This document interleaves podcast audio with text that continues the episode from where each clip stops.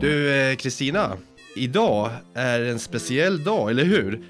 Det är den 13 april. Och därför, när vi spelar in den här podden, är vi inte ensamma, utan vi har en eh, speciell gäst med oss. Vem är det och varför? Kristina? Det är ju så att det är släppdag idag och vi släpper en novell av Karin Tidbeck som heter Sjung ingen psalm när jag är död. Och därför har vi Karin med oss. Hej Karin! Hej! Hallå, hallå! Och ni som inte eh, vet vem Karin Tidbeck är så eh, är hon en fantastikförfattare som skriver både romaner och noveller och som debuterade med novellsamlingen Vem är Arvid Pekon 2010. Eh, men Karin, du har ju skrivit mest på engelska och gett ut engelska romaner. Nu kommer du här med en novell eh, och den är på svenska eh, för den svenska läsar, läsarpubliken. Och du har även släppt en roman i höstas som var översatt från engelska till svenska som heter Minnesteatern. Ja men precis, så eh, Minnesteatern är ju någon annan som översatt men den här novellen ju, har jag själv översatt till svenska. För du skrev den först på engelska? Jag gjorde ju det. Jag skrev den till en eh, litteraturfestival i Berlin för några år sedan. Och då, var, då ville de att jag skulle skriva någonting på temat AI. Och eh, då tänkte jag alla andra kommer skriva cyberpunk. Fuck det. Så skrev jag någonting annat istället. Och sen så tyckte jag att den här novellen kanske skulle tilltala en svensk publik också. Det är vi alldeles säkra på att den gör. Och vi har ju kallat den spiritistpunk. Ja, det är så bra. Det är det här som är storysyndromet. Den här novellen handlar om tre föräldralösa systrar och vi befinner oss på 1800-talet. Och de lever själva i familjens stora hus. Föräldrarna är alltså döda. En av de här systrarna är också döende och de andra två gör allt i konstens och vetenskapens namn för att rädda kvar henne in i framtiden vad, vad du också sagt i och med den här novellen, det, för du har blivit influerad av Ada Lovelace bland annat. Eh, och hon var ju den första programmeraren kan man säga. Hon var med och, och, och eh, skapade den tänkta analytiska maskinen som aldrig byggdes. Men att hon, du har själv sagt att hon har sagt att den analytiska maskinen aldrig skulle kunna presentera en spontan egen tanke. Ja men precis, hon skrev det när hon kommenterade på Menabreas beskrivning av den här maskinen och hon gjorde en massa, massa anteckningar till det här manuskriptet. Där hon bland annat säger att nej men det, det kommer inte hända. För det första kanske vi ska, för de som inte riktigt vet vad den analytiska maskinen är, ska vi... Ja, alltså det enklaste är väl att säga att Ehm, den första maskinen var ju en Eh, på engelska kallas det för the difference engine, alltså en differensmaskin som var i princip en jättestor hålkortsdator som kunde utföra matematiska beräkningar. Och det var eh, Charles Babbage och Ada Lovelace som jobbade med den. Sen så eh, kom den här idén till den analytiska maskinen som skulle vara ännu mer avancerad men helt enkelt så blev den aldrig verklighet. Och då fanns det en tjomme som hette Menabrea som beskrev den här maskinen i ett manuskript. Och eh, Eida kunde ju inte hålla sig utan gick in och kommenterade på det här manuskriptet. Där hon bland annat säger att den kommer inte att kunna framställa en original eller en originell tanke. Och det där tyckte jag var väldigt skoj när man tänker på AI. Därför att väldigt många tänker ju liksom Ja, men när jag fick den här uppgiften till den här festivalen att skriva en berättelse som berörde AI så var det mycket roligare att tänka sig bakåt snarare än framåt. Och också för att jag är väldigt förtjust i Ada Lovelace. Och hon hade rätt. Eller jag skulle vilja säga att, eller just nu, för jag tycker att nu när vi har fått chatt, eh, GPT och, och, och de här andra AI-maskinerna, om man ska kalla det, som finns på nätet som vi alla kan eh, chatta med, så eh, vill jag säga att hon, hon hade rätt. De, de är inte speciellt spontana. Eh, alltså jag, jag, de är ju bara informationsbehandlare egentligen. De, de kan ju aldrig, aldrig presentera någonting eget, för allting är bara taget ur sånt som de har lärt in. Precis, och då är frågan, kan vi det? För att vad, vad är vi om inte resultatet av den information vi har tagit in? Liksom? Det blir en väldigt existentiell fråga. ja. Innan vi går vidare till det måste jag ändå reflektera över det du sa att du rörde dig bakåt istället för framåt när du skrev novellen. Och det du, det jag upplevde du gjorde där, det var att du begränsade dig frivilligt då väldigt mycket i hur, vad du skulle hur du skulle forma den här novellen och ur det så ploppar det här upp som är allt annat än begränsat ju, utan det verkligen spränger eh, en en konventionell novells ram. Jag vet inte, var det medvetet att tänka så här att för att få till det där lilla extra så går jag tillbaka och leker med verklighetens historia? Eller eh, hur, hur tänker du när du sätter dig ner för att skriva en novell? Alltså jag, jag är inte så pass beräknande utan jag tyckte att det här var ju ett fett koncept. Eh, och dessutom så var det ju till en internationell litteraturfestival så då ville jag göra någonting som var rotat i Sverige. Eh, och kombinationen hålkortsdatorer och sen hur Sverige såg ut i, på, mot slutet av 1800-talet när liksom elektricitet hade anlänt och eh, ny teknik var liksom jättespännande och samtidigt som ju händer i den här, i den här novellen så möter ju det spiritiströrelsen. Bland annat eh, Hilma af Klint som gör en liten eh, gör en liten biroll i historien. Eh, och hennes eh, krets av, eh, vad de, kallade, de kallades ju för forskare. De utforskade ju liksom världar bortom, bortom våran. Eh, och det tycker jag var en väldigt, väldigt spännande kombination att arbeta med. Ja, för, att du, för mig blir det att du rycker de här trådarna som, eh, som är så spännande. För att Ada Lovelace, det är ett namn som är så bekant, det finns där ute, liksom, man känner till. Men, men vem var hon egentligen? Kan jag tänka. Alltså. För att faktum är att det inte är så mycket som jag känner att jag har fått veta om henne som person egentligen. Och likadant var det länge som med Hilma af Klint. Det är egentligen nu de senaste, vad är det, 5-10 år som hon har på något sätt blivit eh, trätt fram genom eh, filmer och eh, utställningar och även internationellt uppmärksammats. Utan det har ju varit rätt eh, så här lite vagt om det. Vem var och, och för mig var det liksom en eh, surpris att få höra från vilka förhållanden till exempel Ada Lovelace kom från. Ja, ja, det är ju så jävla kul. Eh, hon var ju hon var ju dotter till Lord Byron Poeten, eh, romantiken. Ja, den stora, alltså den mest fruktansvärda sköna kille som någonsin har existerat. Eh, och hennes mamma förbjöd ju henne att läsa poesi. för, för hon ville väl skydda eh, lilla Ada från, från eh, fruktansvärda poeter. Ja. Så, hon hade lärt sig den hårda vägen. Hon hade lärt sig den hårda vägen, så lilla Aida fick ju eh, plugga matematik och naturvetenskap istället det, det ironiska är ju liksom att det känns ju ändå som att hon hämtar inspiration från det som var försvunnet ur hennes liv också i sitt tänkande när hon arbetade eh, med det, det, romantiska. Och var det inte så också förresten när hon dog att hon, hade, hon ville bli begraven på Byrons familjegrav?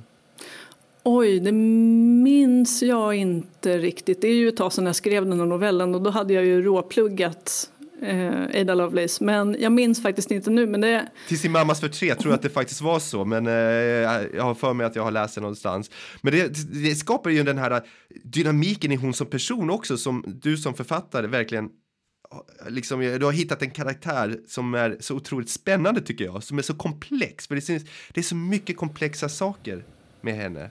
Ja men det är, det är jättespännande. Dessutom så var hon eh, spelberoende. Hon var beroende av att spela på hästar. Hon gick ju in med någon enorm summa i, för att bekosta ett projekt, tänkte hon. Mm. Innan vi satte oss ner och började prata så kollade jag med chattbotten vad den hade att säga om Ada Lovelace. Eh, den är nämnda. Ja, eller hur? Och den sa just det, för jag frågade, är det sant att Ada Lovelace spelade bort pengar? Är det sant att eh, hon sa någonting till sin man när hon låg på sin dödsbädd som gjorde att han rusade ut därifrån och inte ville se henne. Är det sant? Och så radade jag upp alla de här sakerna som man har hört. Och den sa nej, det finns ingenting som bekräftar det. Det är viktigt att inte, uh, det är myter som bildas av kända personer, utan det vi vet är det här. Och så var det väldigt konkret. och, och, det, ja, och, och jag tyckte det var intressant ur två perspektiv. Ett är att, att jag liksom inte fick ved till min fantasis brasa. Men det var också det att det där var chattbotten i en ask. Rak och så här är det. här är vad jag vet utifrån den. Men jag tänker inte ta ut svängarna. Så när man pratar så här, oh, om framtid kommer chattbottar, eh, AI kommer skriva våra, våra böcker. Då undrar, då undrar vi alla, ja det kanske de gör, men det, hur roliga, alltså det är ju, det kanske, det blir en bok, men ja, vad blir det mer än det? Hm.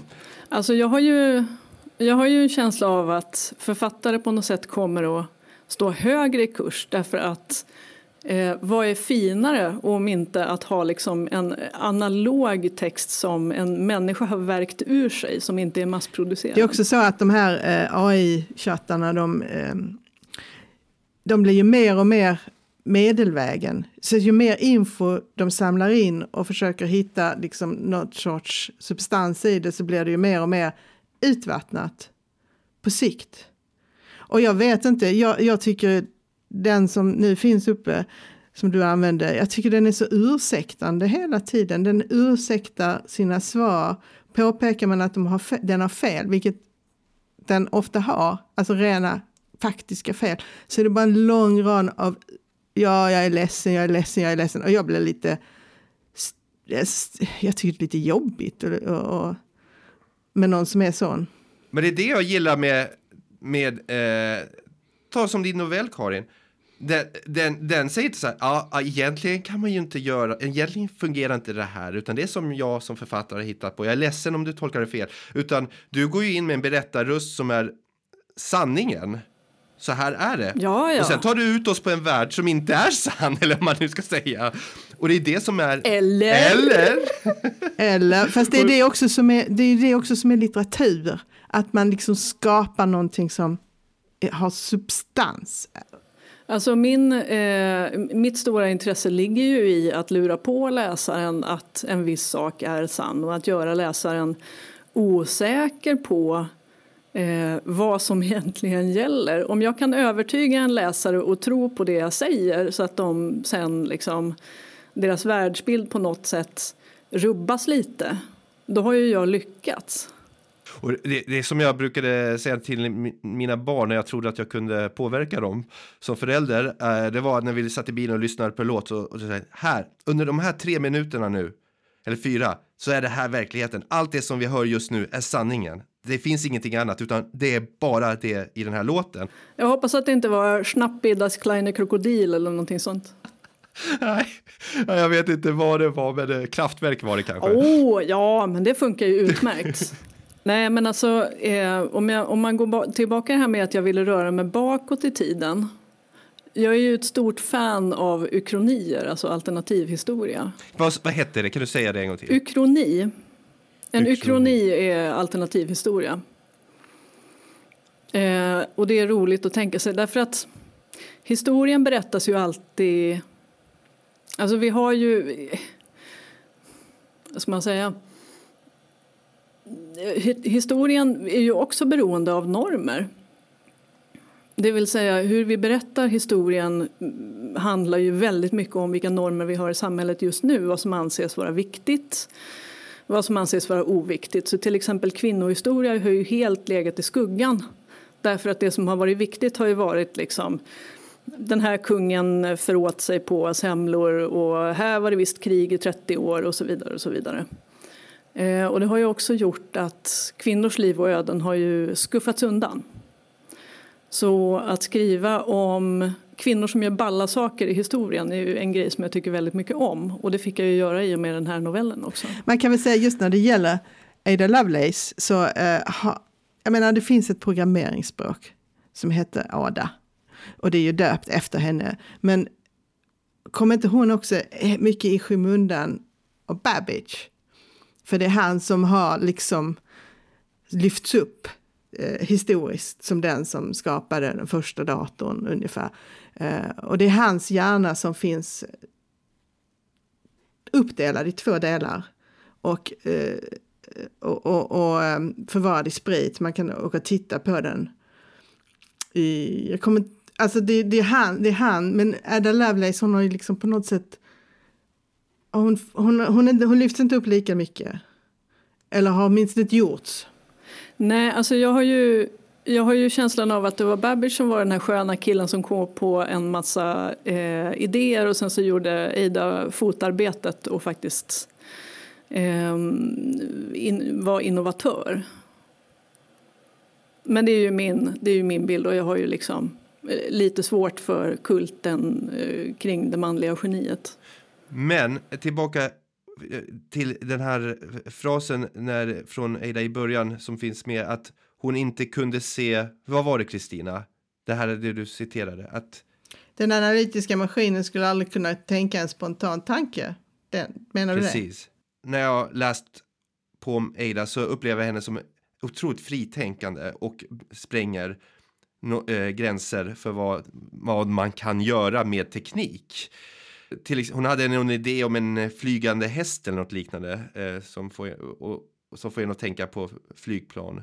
Men det där tycker jag, det känns nästan lite deppigt tycker jag att, att hon sa, vad, sa det. Jag tycker inte det. Jag tycker det känns, det känns väl rätt eh, genomtänkt. Ja, jag tycker det också. Sen får man ju tänka på att hon jobbade ju också med den information och de verktyg som hon hade till hands på sin tid. Men jag tror fortfarande de inte, alltså det med att tänka spontan tanke, det, det, vi är ju inte där. Men det är väl rätt spännande som om, om, om, om det kommer ut ur det här en ny levande varelse, en AI. Det är, jag tycker det är lite kittlande tanke. Fast du, jag älskar Battlestar Galactica, det är väl där det hela slutar för mig. Gamla eller nya? Jag tänker faktiskt på det nya. Ja, med cylonerna som eh, blir eh, medvetna och självständiga, eh, absolut. Precis, den där serien eh, har, den, den var lite det där så här, den förändrade mitt liv höll jag på att säga lite grann. Sista avsnittet så uh, var jag en röra efter sista avsnittet. Alltså det här påminner mig om att jag faktiskt har spelat AI på ett Battlestar Galactica live. Jag spelade, jag spelade en, en del av en splittrad AI eh, som eh, eh, hemsökte ett rymdskepp. Hur då splittrat? Jo, nej, men det var en AI som hade splittrats i flera olika aspekter och de aspekterna var eh, ska vi säga, modellerade på det grekiska, eh, den grekiska gudasamlingen. Eh, och jag, min arketyp var Hekate. Så jag var jävligt läskig.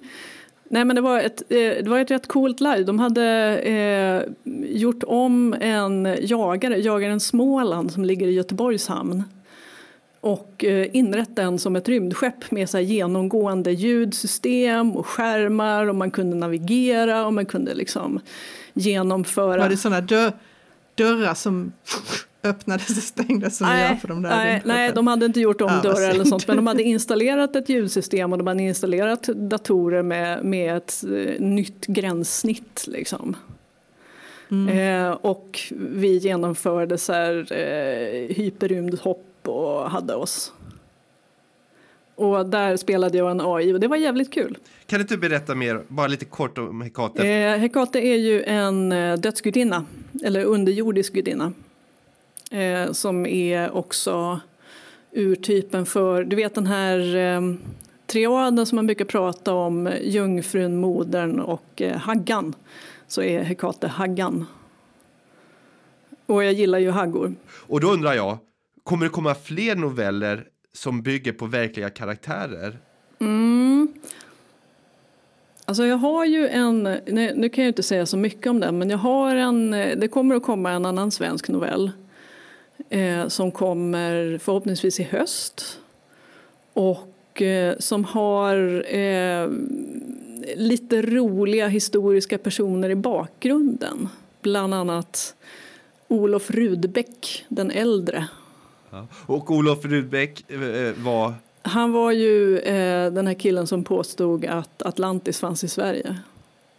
Det var vid den här romantiska tiden när eh, my- sagorna om Sverige skapades, så som vi känner till vikingarna kan man också säga kommer utifrån den här tiden, eller? Vår syn på vikingar. Kan vara, alltså synen på vikingar utgår ju väldigt mycket från 1800-talets mansideal. Det är ju väldigt, det är ju väldigt skoj. Den nationalistiska rörelsen med eh, och de strömningarna som väldigt mycket färgade vad vi tror om vikingar och det, har ju, det ger ju avtryck än idag. Och där ser man hur man kan använda historiska verkligheter till att skapa dikter Ja. på olika sätt. Exakt. Men annars så är jag... mm, Ja... Alltså många projekt, många projekt som jag sysslar med som försiggår i Sverige har ju historiska eh, karaktärer, i alla fall i utkanten. Det är inte lika roligt att centrera dem i en berättelse för då kan jag inte ta mig friheter med dem på samma sätt. Eh, jag har ju ett annat projekt som också utspelar sig i Sverige som har historiska personer i utkanten och historiska skeenden i centrum. Du låter dig inspireras längs med vägen du skriver eller har du, stakar du ut, vet du på ett ungefär vad det är du vill berätta när du sätter igång? Alltså det är väldigt mycket beroende på projekt. Nu, som med den här novellen så visste jag ju vad jag ville ta avstamp. Eh, och sen under processens gång så kan det hända att jag får aha-upplevelser. Liksom. Som i, den här, I fallet med den här novellen så gick jag på en utställning på Moderna Museet där det fanns en Hilma af Klint-hörna. Och jag eh, fick liksom, och, och eh, intendenten berättade hur hon tänkte när hon skapade sina målningar. Och då öppnades ju en helt ny värld. Därför att vet man inte att Hilma af Klint kanaliserade bilder från en annan värld så har man ju gått miste om nästan hela grejen. Och det, det var ju bara, det, det, det var en fantastisk ögonöppnare. Men annars när det gäller när när det gäller noveller, när det gäller romaner, att jag tänker inte så mycket. Det kommer ett, en, en scen eller ett roligt koncept och så börjar jag liksom svamla lite kring det och sen så får jag se om det finns någonting i den här ordmassan som jag har producerat som jag kan använda. Så min skrivarprocess är jätteomständlig och oorganiserad och ganska rörig och det är också därför jag är en väldigt långsam författare för att den större delen av, av tiden går ju åt till att liksom fanera i den här ordspyan egentligen. Ja. Och hitta kosmos i, i ditt kaos kan man säga. Att eh, liksom Ja, hitta den här tråden som, eh, som gör kaoset begripligt. ja men exakt. Men hur, hur, gör, hur gör du när då? eh, För att eh, nu är ju eh, den här novellen ju en del av vår novellsatsning på Kraxa förlag. Men det, det är ju skillnad att skriva novell och skriva en roman. Eh, så, så hur upplever du det? Hur, för att det sägs också att Eh, noveller kanske inte syns så mycket nu för tiden och så vidare. Och det tycker inte jag stämmer inom den här genren för novellen har ändå en stor plats här. Men hur skulle du liksom, vilket föredrar du? Vilket, eller du kanske, vad, vad, är liksom, vad är det positiva med att just i novellform, för att det är ett annat sätt att presentera en historia på. Man har ju inte lika mycket utrymme.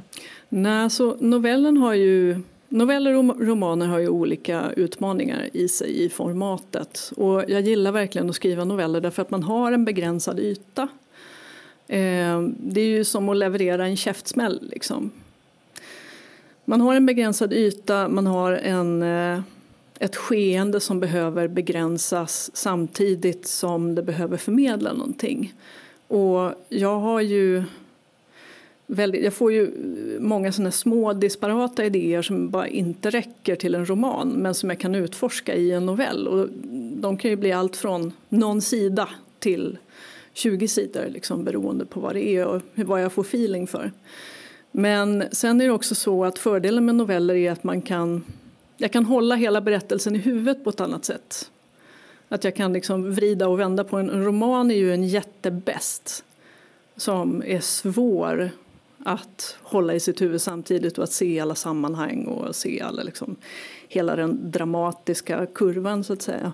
Medan novellen är lite som en, det är någonting jag kan hålla i handen. För min erfarenhet är också att novellen, den också, i och med att den, eller romanen, i och med att romanen växer, så, så som du säger, den får en bak, den blir baktung. Medan en novell är som sagt någonting som man omfamnar mer hela tiden. Ja men exakt och det är också väldigt praktiskt för mig för att jag har ADHD. Vilket gör att mitt uppmärksamhetsspann inte, är inte skitbra. Eh, och då är, funkar noveller väldigt bra därför att det är en eh, eh, det är lättare att få in i huvudet och jobba med liksom samtidigt och kunna se helheten. Mm.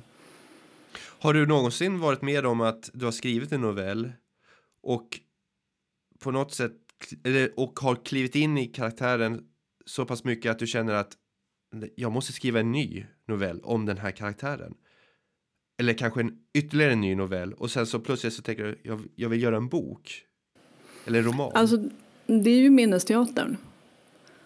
Eh, den började ju med en novell som heter Augusta Prima som finns med i Jagannath.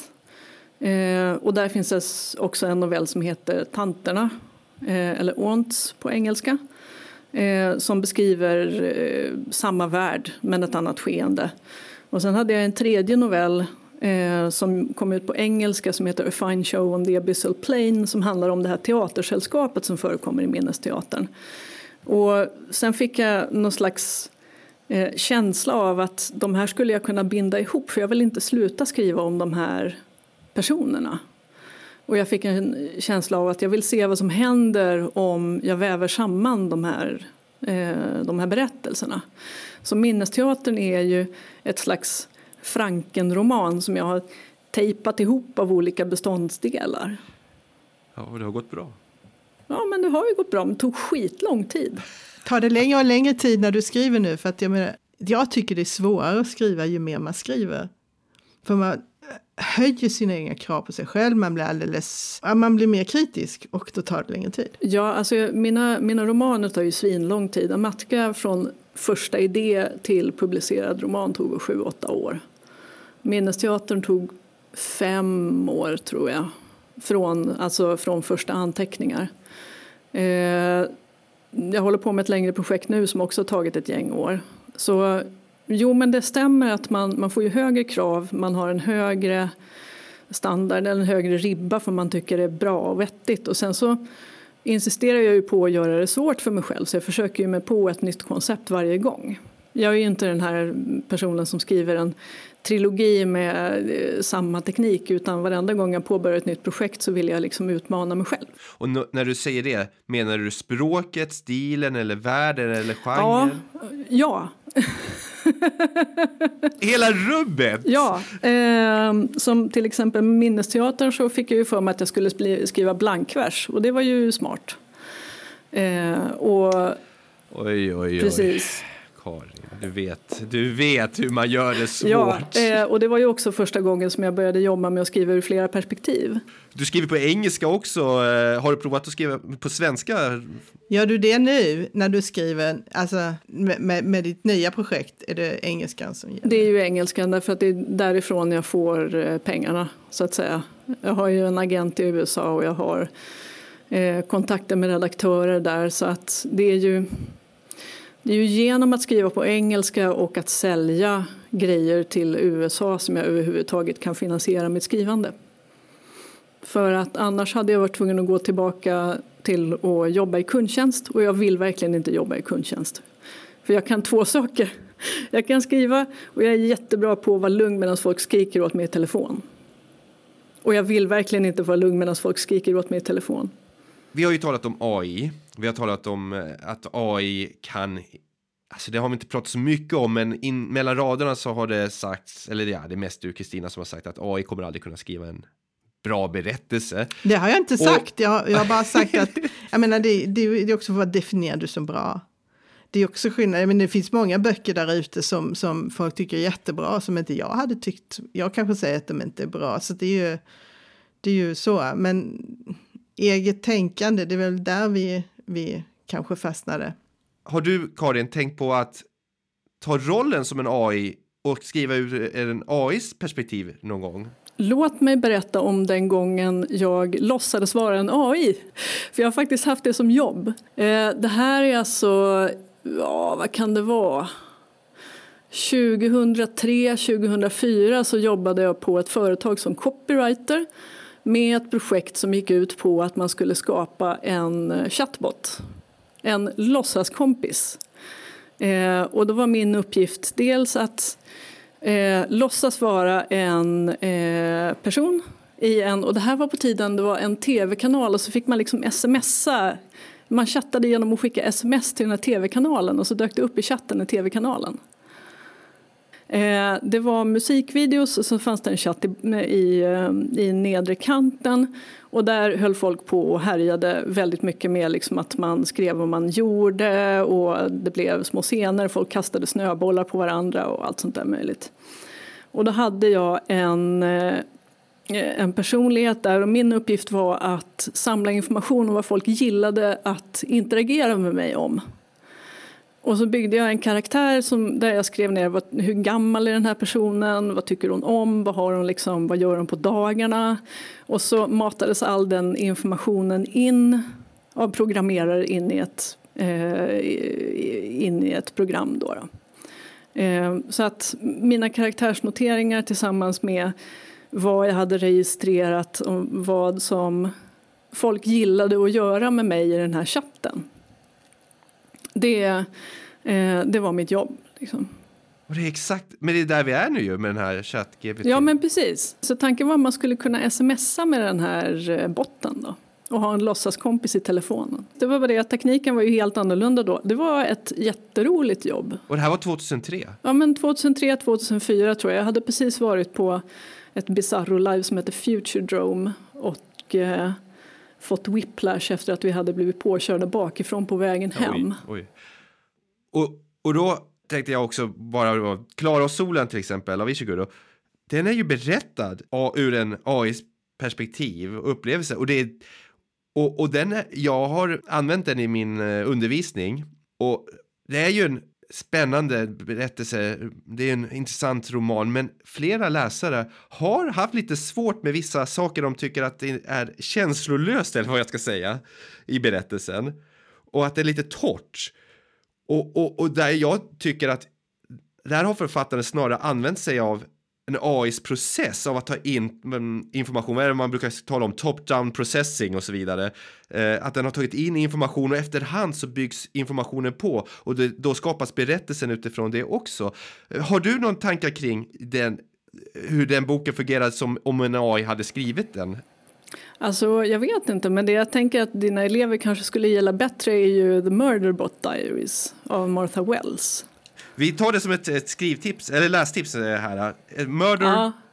Murderbot. Murderbot Diaries. Det är en serie böcker som handlar om en säkerhetsrobot eh, som har hackat sin egen programmering och blivit självständig och så här, tänker självständigt. Eh, men allt den här eh, personen vill är ju att ligga i sin laddningspodd och titta på dåliga såpor. Problemet är att den liksom hela tiden blir störd av att människor behöver hjälp och vill interagera med den och det är jättejobbigt. Och efter ett tag så börjar den liksom utveckla någonting som liknar känslor för de här människorna och då blir det ännu värre för människor är ju så här jobbiga köttpåsar. Eh, och den är ju liksom skriven av en människa men det är, fantastiskt, eh, det är en fantastisk historia berättad ur en syntetisk livsformsperspektiv. Murder Bot Diaries av... Martha Wells. Martha Wells. Så första boken heter All Systems Red. Ja. Till Kraxas bokcirkel nu så kör vi det. Första boken. Gött. Du Karin, tack så hemskt mycket för ett eh, litet snack kring AI-världen och framförallt din nya novell som kommer ut idag på Kraxa förlag såklart. Ja, hurra! Alltså det är... alltså vi, får, vi, måste också säga att den går att köpa i nätbokhandeln och, och uh, i bokhandeln uh, och, och uh, även via vår hemsida, butiken på vår hemsida. Ja, jag är superpepp och det är så himla roligt att få komma ut med någonting på svenska. Vi är också glada, absolut. Och vi är jätteglada över att få lov att ge ut din novell på svenska. Ja, jag är väldigt tacksam. Alltså det är, och särskilt när det ges ut av folk som vet någonting om fantastik. Det gör mig jätteglad.